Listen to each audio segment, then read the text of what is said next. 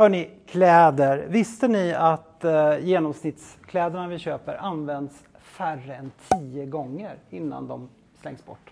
Och av alla de textilier som används för att göra våra kläder så beräknas så mycket som 87 procent just slängas bort eller eldas upp. Och det här måste vi göra något åt. Alltså vi måste verkligen få in alla de resurser som vi har dragit in i systemet för att göra kläder till att återanvändas flera gånger om. Det kan ju lösas till exempel genom att man köper begagnade kläder. Eller det här är faktiskt ett roligt exempel.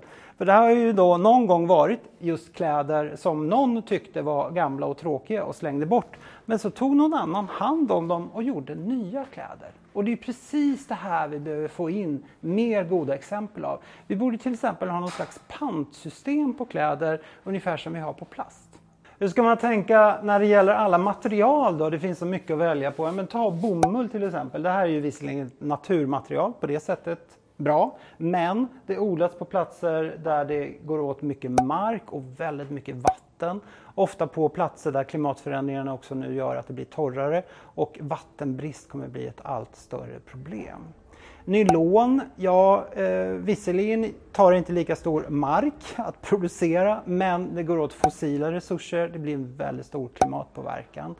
Eh, akryl, polyester, ja då är det framförallt det här med annan miljöpåverkan, inte minst när vi tvättar prylarna och det faller ut mikroplaster.